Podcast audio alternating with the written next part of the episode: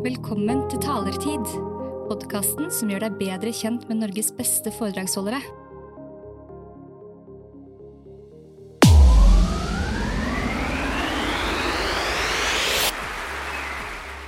Wow. Katarina Lalander Hamnes, du er ekspert på kundebegeistring. Ja. Men trenger vi egentlig kundebegeistring i dag? Holder det ikke å ha rett pris og rett kvalitet? Altså, jeg tror du kan komme langt med å ha en god kvalitet og riktig pris, men, men poenget, som jeg ser det med kundebegeistring, er jo at folk skal komme tilbake. Og da må de huske deg. Og da må du gjøre noe mer enn bare levere det de forventer av kvalitet til riktig pris, for det kan, det kan alle gjøre. Så jeg, jeg, pleier å se det som en, hvis du tenker deg en, en pyramide, uh, hvor bunnen på pyramiden, det er det jeg kaller for basic drift. Det er der du har kunnskap, rutiner, ting fungerer. Vi har det utstyret vi trenger, vi har uh, folk på plass, folk uh, som jobber i bedriften har den kompetansen de trenger, sånn, i hovedsak. Og, og, så har du neste lag, der kommer da møtet mellom medarbeider og kunde. Og da blir det med en gang litt mer krevende på den enkelte.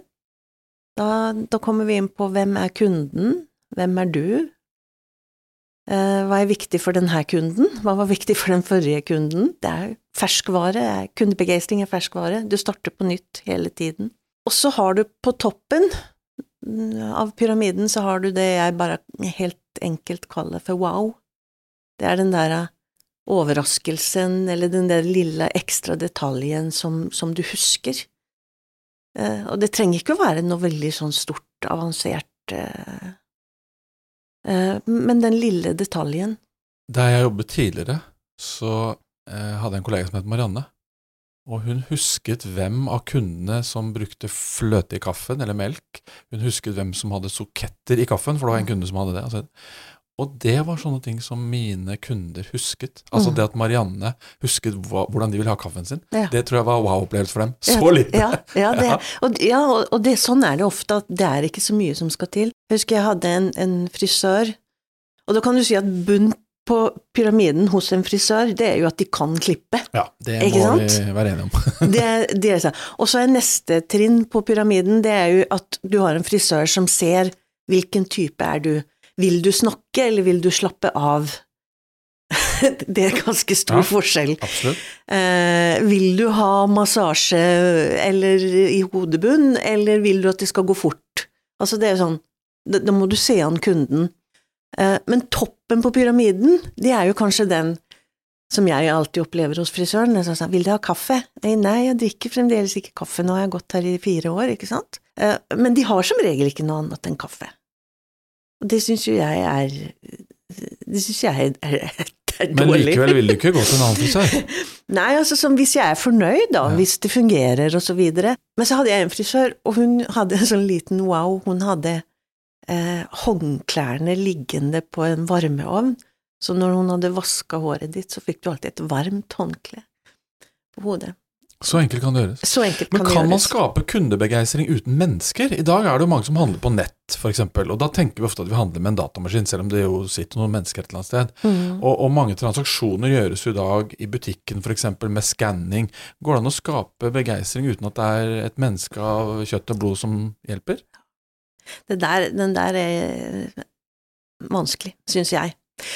Uh, hvis du bruker digitale løsninger, eller AI som de også kaller det, eh, så kan du skape mye eh, gode opplevelser. For, for eksempel, jeg, jeg, har en mann som snuser, så jeg bestiller snus til han fra den her snuselageret, eller hva det heter.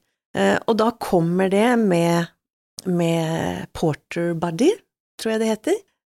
og de har fantastisk digitale løsninger. altså da, da får jeg en sånn SMS, og så sa 'nå er vi her', og der er vi, du er nummer 19, og nå er vi hos nummer 17. Og det er jo, eh, syns jeg, er en veldig god måte å bruke det på. Og så får jeg mail, sist gang så bestilte du så og så mye, hva vil du ha nå, vil du ha samme bestilling nå? Da funker digitale løsninger.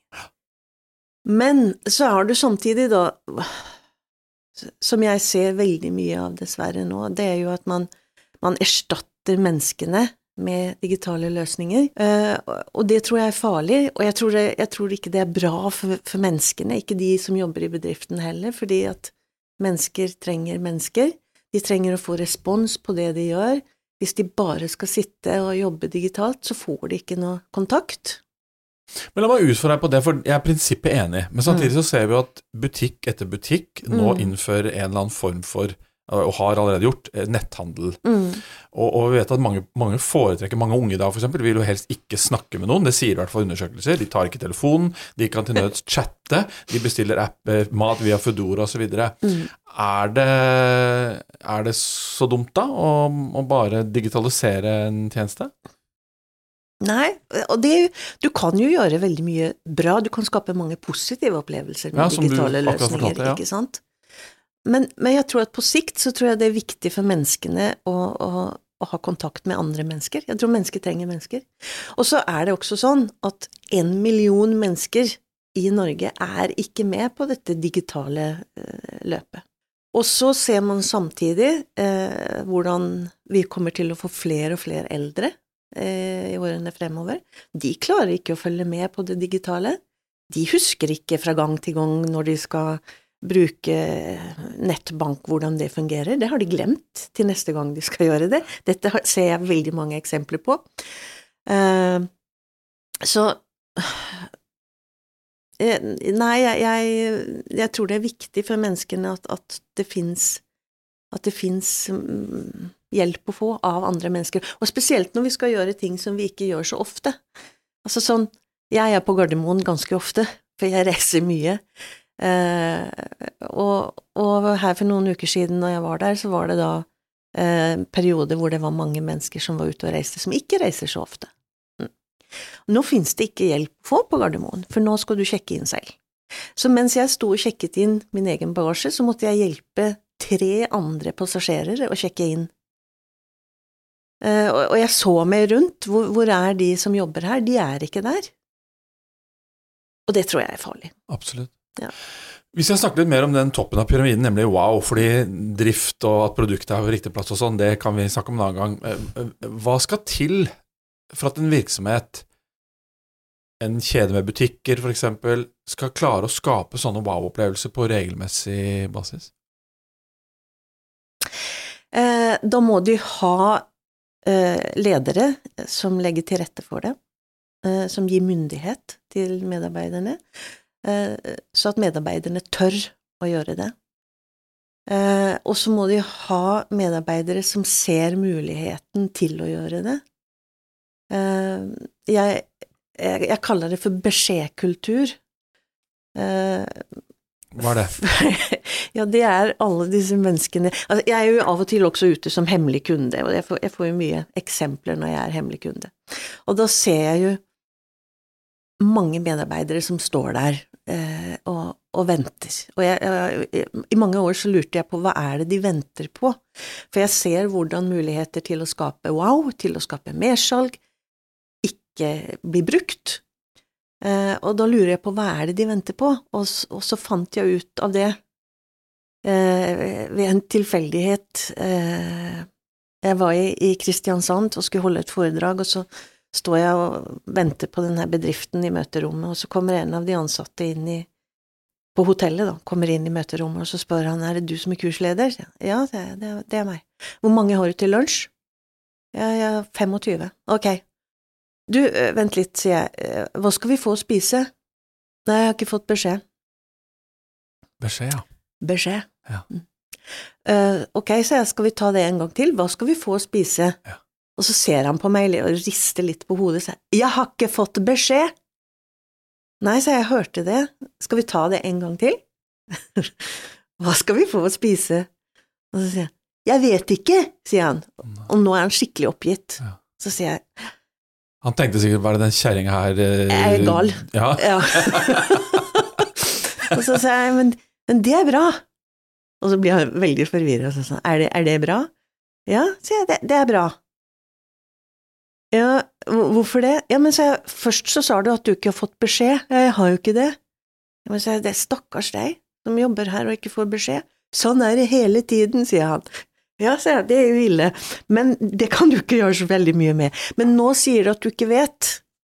Jeg gjør jo ikke det, sier han. Nei, men sier jeg, det kan du gjøre noe med.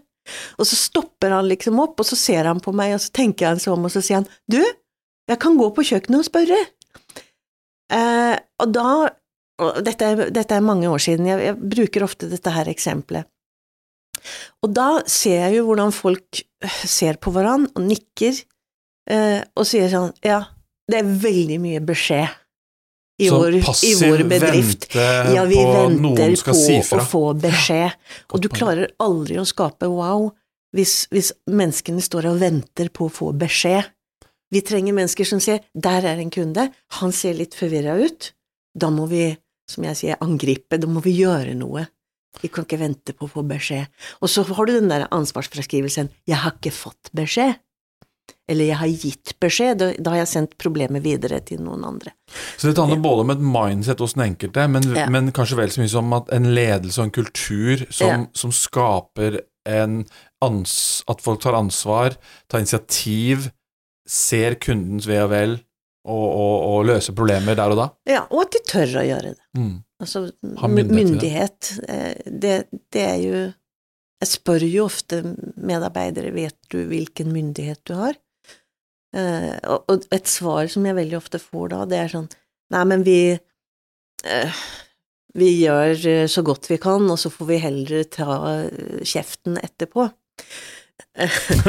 og, da, så, og, og da ser lederne veldig sånn forvirra ut, og sånn Nei, men vi, vi, vi har jo gitt myndighet, men myndighet fungerer sånn at den må gjentas veldig ofte, og, den må øves på.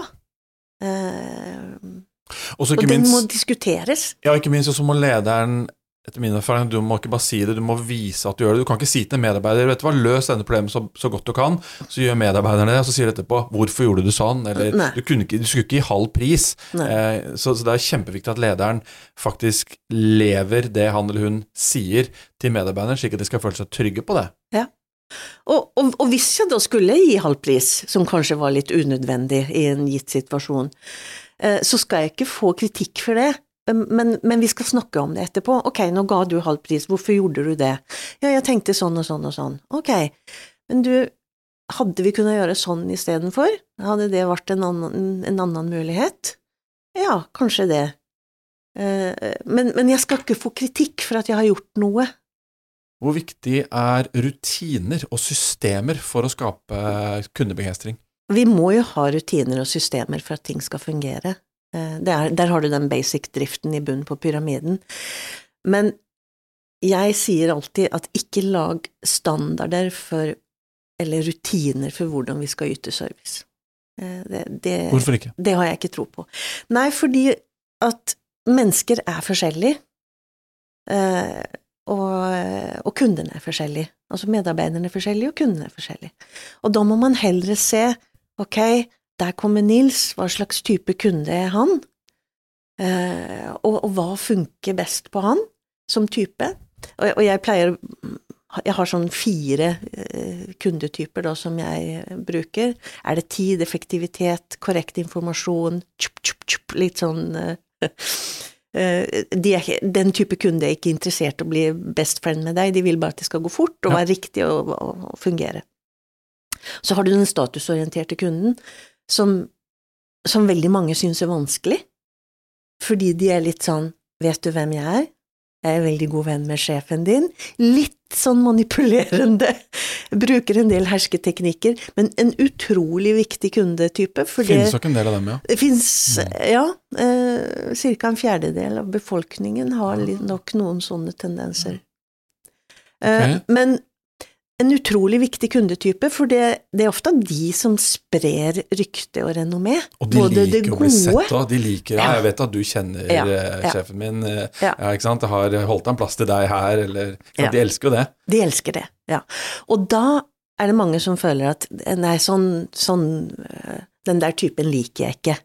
De der som man skal jatte med.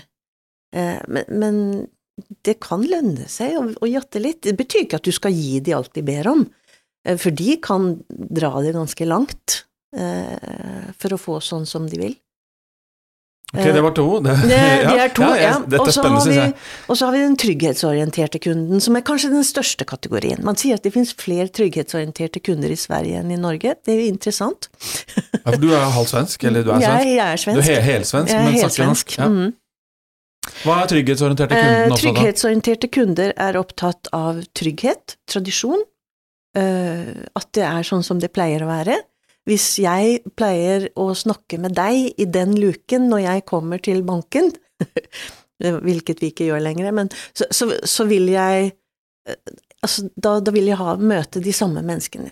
Eh, Kjøpe den samme bilen. Jeg tror jeg er gift med en, for hun er sånn ah, 'Nå har de byttet smak, hvorfor, hvorfor har de gjort det her?' Eller Ja. nå, det, 'Nå det, kommer det nye ting på telefonen min', Ja. det var bra sånn som det var'. Ja. Ja. Og de liker ikke den her eh, Hvis du sammenligner den statusorienterte med den trygghetsorienterte, altså den statusorienterte, han elsker jo å bli sett og gjenkjent og uh, litt sånn liv og røre. Og det har jo ofte å gjøre med at han vil at andre skal se at han blir gjenkjent. Det er liksom det er jo gøy. Mens den trygghetsorienterte liker også å bli gjenkjent, men det er jo fordi at da er de trygge. Men de vil ikke at andre mennesker skal se det. Forstår. Eh, De vil ikke ha den oppmerksomheten. Eh, Det er den største kategorien, faktisk, og den enkleste kategorien å jobbe med, for de krever veldig lite. De, de, de, hvis du sier til den kunden at du skal være her eh, da og da, og du skal ha med det og det, så, så er de det. De er liksom ganske pliktoppfyllende og lojale. Ja, så de vil Mm. eksempelvis like at vi, du får samme sete som du hadde sist, på, Ja. på fly eller på Ja. teater eller noe sånt. Ja. Mm. Mm. Og så var det en til? Og så er det den siste, den minste kategorien, det er jo den sosialt orienterte. De er opptatt av den, av, av kosen og Ja. praten og en, Eneste problemet med den type kunde, det er ofte det at de er litt tidstyver. Altså, Ja. de, de blir ikke ferdig. Nei. De kan stå og snakke med deg, ja. Men, men det som er fint med de, det er at du kan si til dem at uh, du, det var veldig hyggelig å snakke med deg, men vet du hva, nå har jeg litt kø her. De aksepterer de. Ja. Eh, Er dette eh, kategorier som du har funnet ut av, eller kommer det ut fra et forskningsprosjekt eller erfaringsgrunnlag? Eh, det var de kategoriene vi ble lært opp til å bruke i SAS, når jeg jobbet i SAS. Eh, jeg jobbet jo i Hotell-SAS da, i min ungdom. Eh, og, og jeg har jo fortsatt å bruke de, og, og jeg syns at de fungerer veldig bra. Jeg kan kjenne meg igjen. Ja. Men jeg tenker jo du er en voksen dame, jeg er en voksen mann. Vi har gjort våre erfaringer i løpet av livet. Eh, men jeg ser også mange unge gutter og jenter som står f.eks. i butikk. Senest i går på Gardermoen så sto det en, en ung jente eh, og solgte noen capser.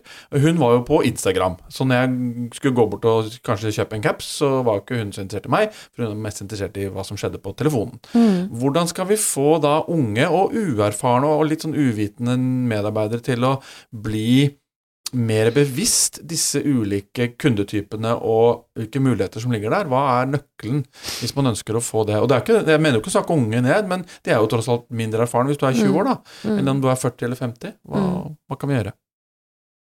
Uh, trene. Uh, altså, de bruker uh, lite tid til å trene. Og jeg tenker på når jeg begynte å, å jobbe med kurs og foredrag, så, så var jo det kanskje to dager. og nå er det 40 minutter. Ja. Eh, og, og da er det Da vil man ha et, et show, nærmest, og det er helt greit, men, men problemet og en av utfordringene i dag, det er jo, som jeg sier til alle mine kunder, at sånn, hva skal dere gjøre etterpå? Hvordan skal dere følge dette opp? For, for det er som å pusse tennene, ikke sant? Du må pusse tennene hver dag. Du kan ikke ha kickoff i munnen i januar, og så med tanntråd og skrape tenner og så videre, og så er du ferdig for resten av året. Du, du må pusse tennene hver dag. Og det er litt sånn som jeg sier til kundene mine også, dere må dere må gjøre ting, dere må trene, og det, det får ikke ta for mye tid, det får ikke kreve for mye administrasjon eller kostnader, men, men det, det, det må være lett tilgjengelig, for de er jo Lederne i bedriften er jo opptatt av sin daglige drift. Det her er jo liksom en liten ekstra greie. Og så er det dessverre også sånn at veldig mange tenker at service eller kundebegeistring, det er jo bare eh, allmenn oppdragelse og sunn fornuft. Eh, og så sender man da de som er ytterst i front, på, på kurs, eh, mens alle de andre, de, de trenger det ikke, fordi de har ikke noe med kundene å gjøre. Dette er det som man ofte sier. Eh, og det er jo fullstendig eh, galt. Mm.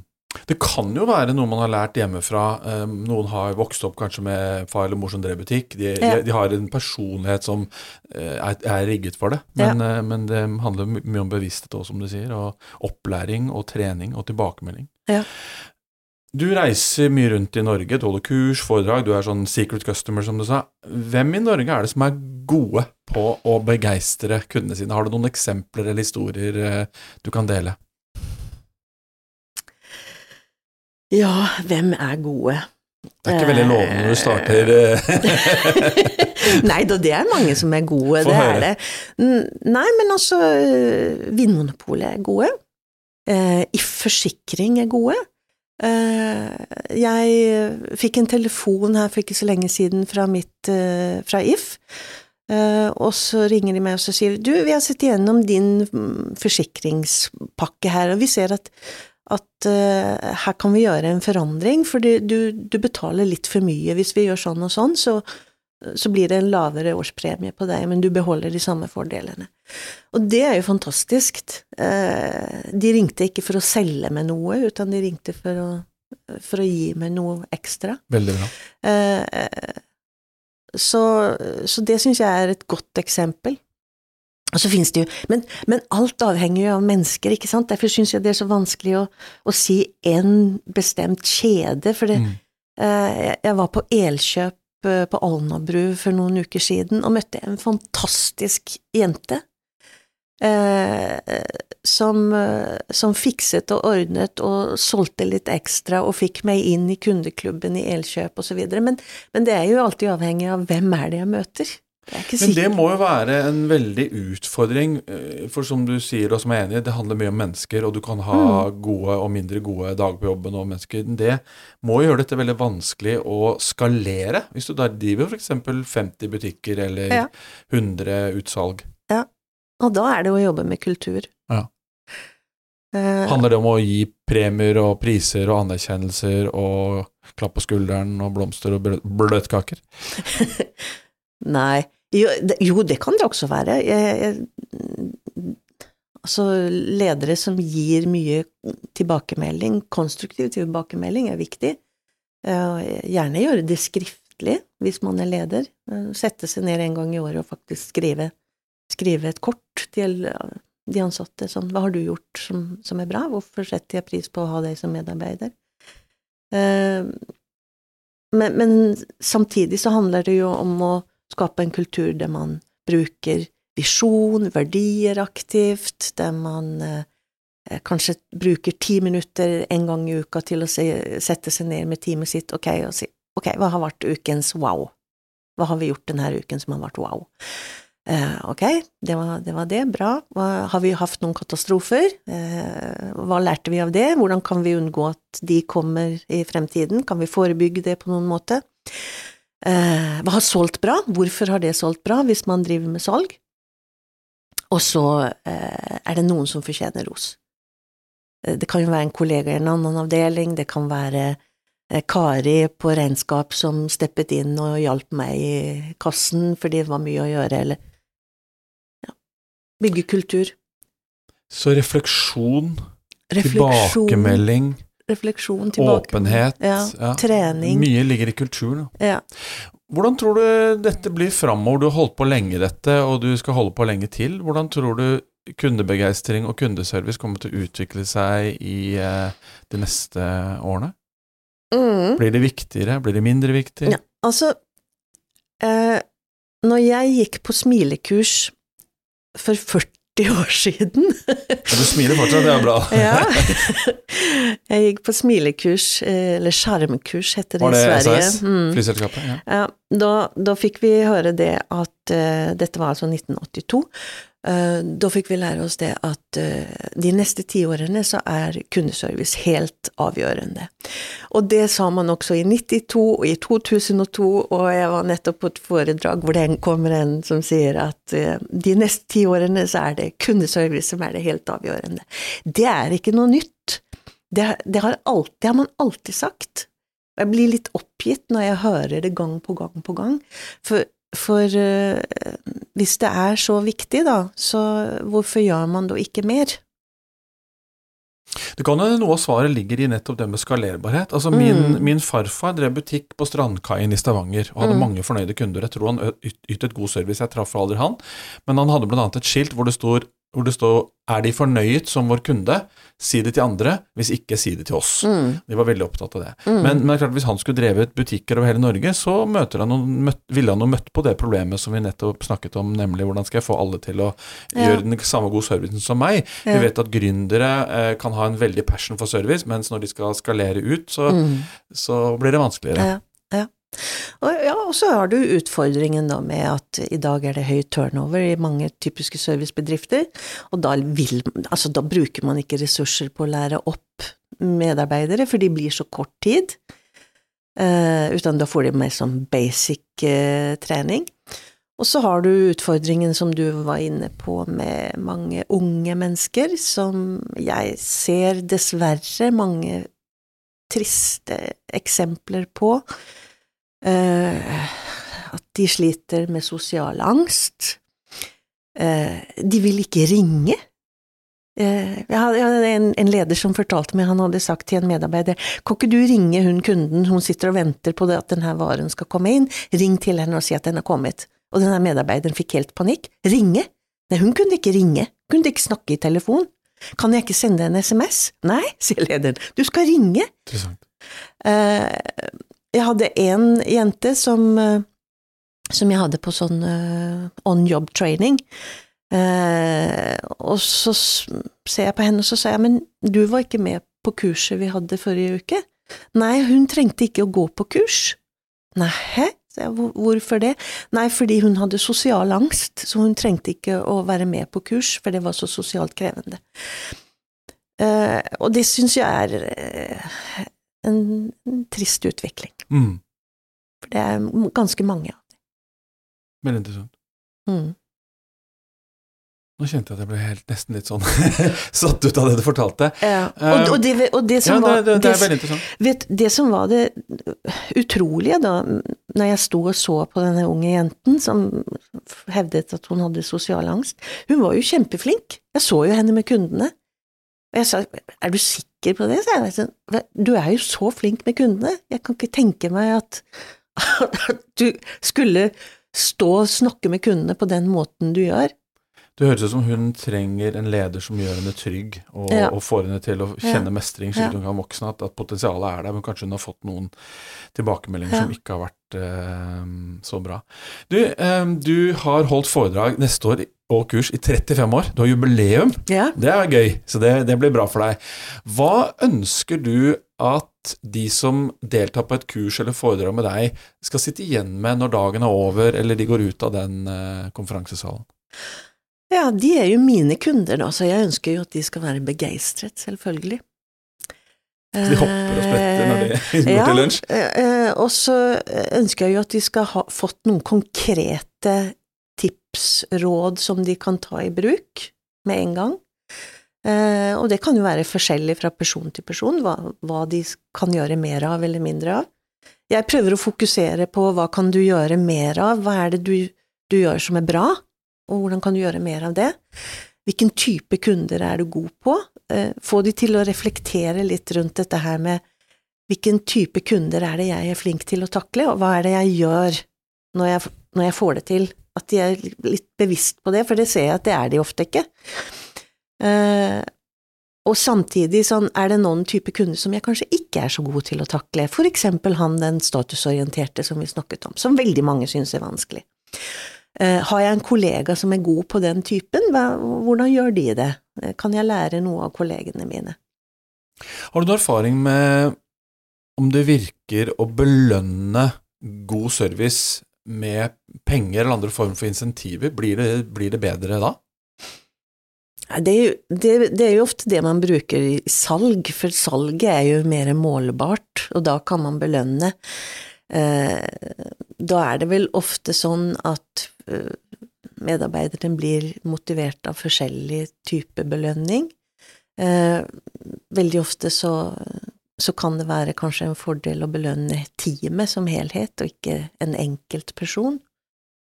Men det, det altså, jeg, hadde, jeg, hadde, et eksempel med en, en, ung mann som jobbet på hotell, og han, de drev med sånn måling av upselling på rom, altså kjøp, fikk kundene til selge å Selge mer enn kundene har egentlig bedt om? Ja, ta et dyrere rom. Ja. Uh, han kunne jo selge for opptil ja, sånn 50 000 ekstra per måned, mens kollegene solgte for tre. Uh, men de var ikke motivert av den type konkurranser. Eh, så, så, jeg tror det der er veldig individuelt. Jeg tror, og jeg tror også sånn Jeg tror service handler mer om at hvis du får medarbeiderne til å se at hvis jeg skaper et wow for deg, så får jeg en respons fra deg. Og den responsen eh, er det som holder meg motivert det er jo når jeg ser effekten av at det jeg gjør Det, det var som når jeg tok bussen hit i dag, så, så når vi kommer til Bjørvika, så sier bussjåføren nå er vi i Bjørvika, og ha en riktig fin onsdag, og husk å ta med dere alle tingene deres, og, og, så avsluttet han med å si og hvis dere er kjempesnille, så, så krysser dere fingrene til meg i kveld i lottotrekningen.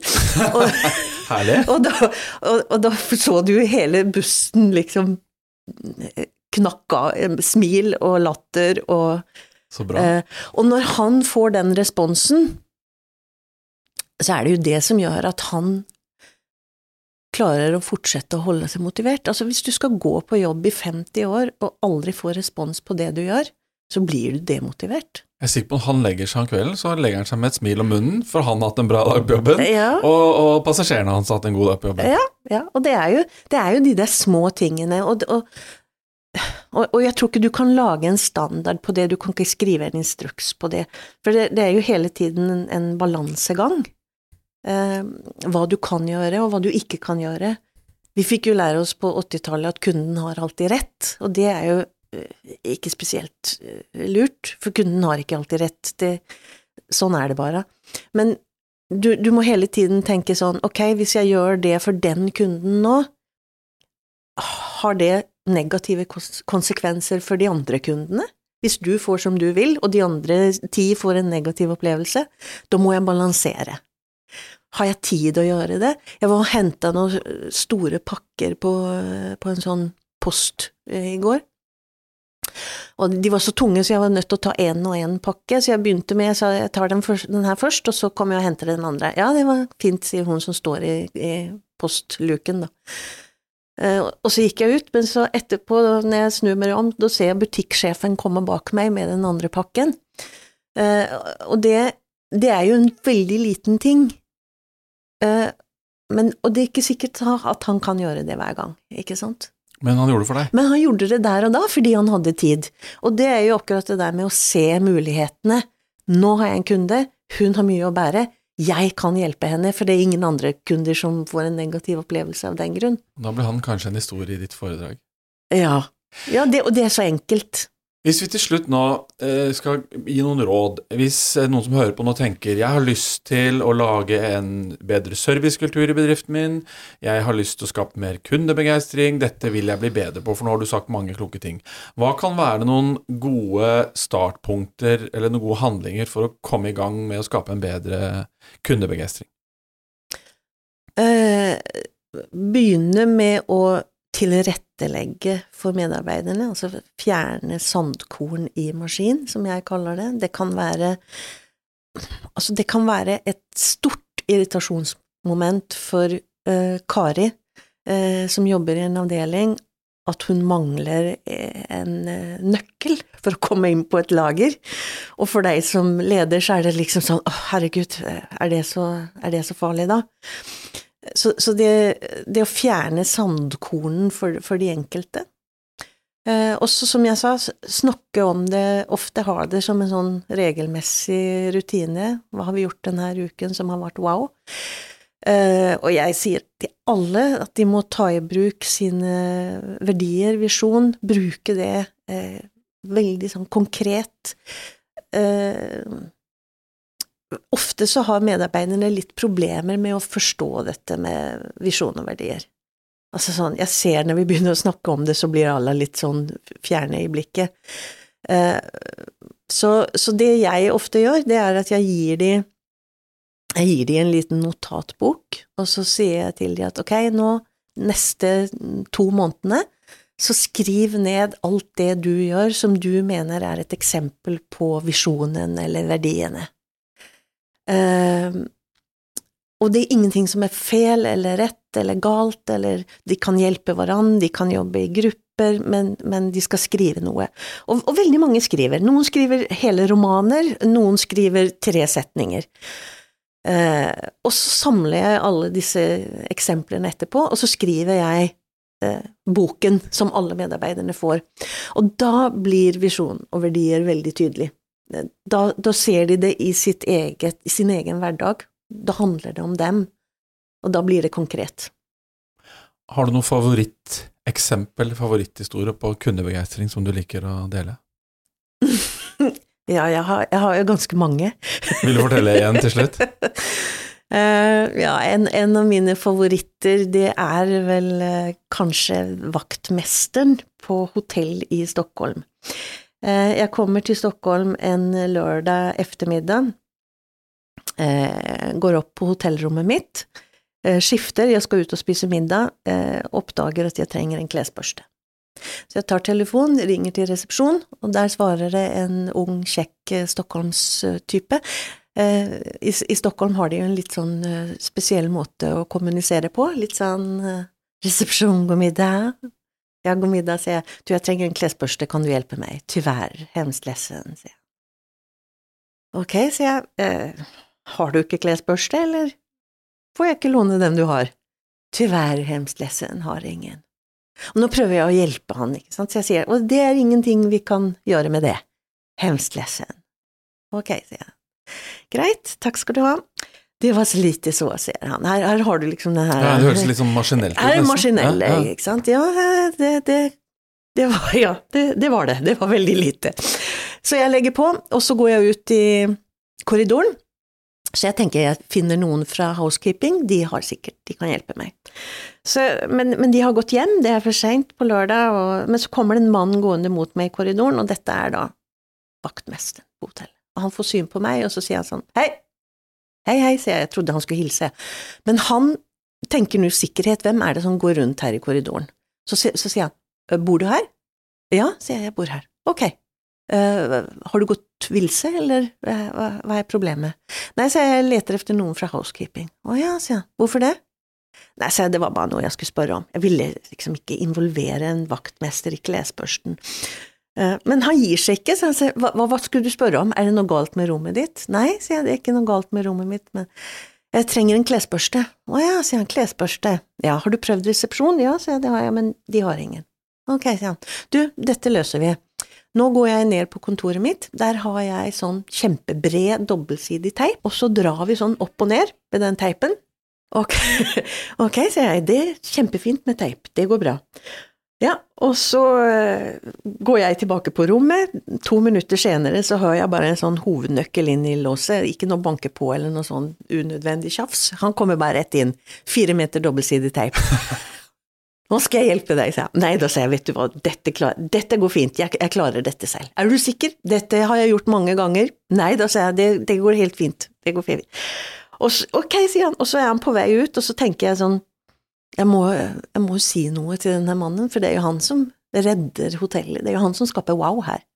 Så jeg sier sånn, du, eh, jeg tror jeg kommer til å huske dette hotellet på grunn av deg. Ja, så, det, det tror jeg òg, det er helt normalt. ok, så er, er, det normalt? Ja, ja, ja, sier han, det er helt normalt. Det er mange som husker meg.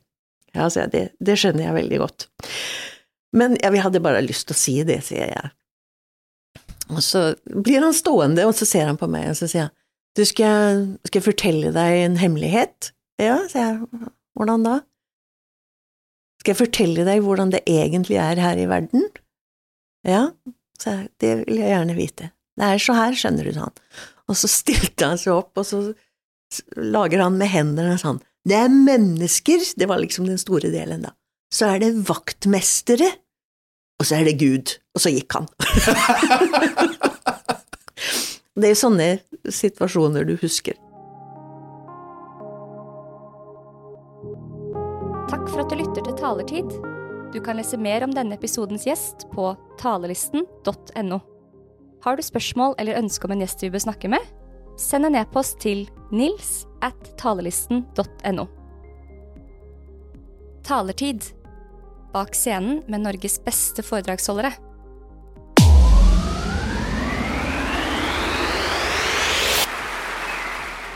Wow.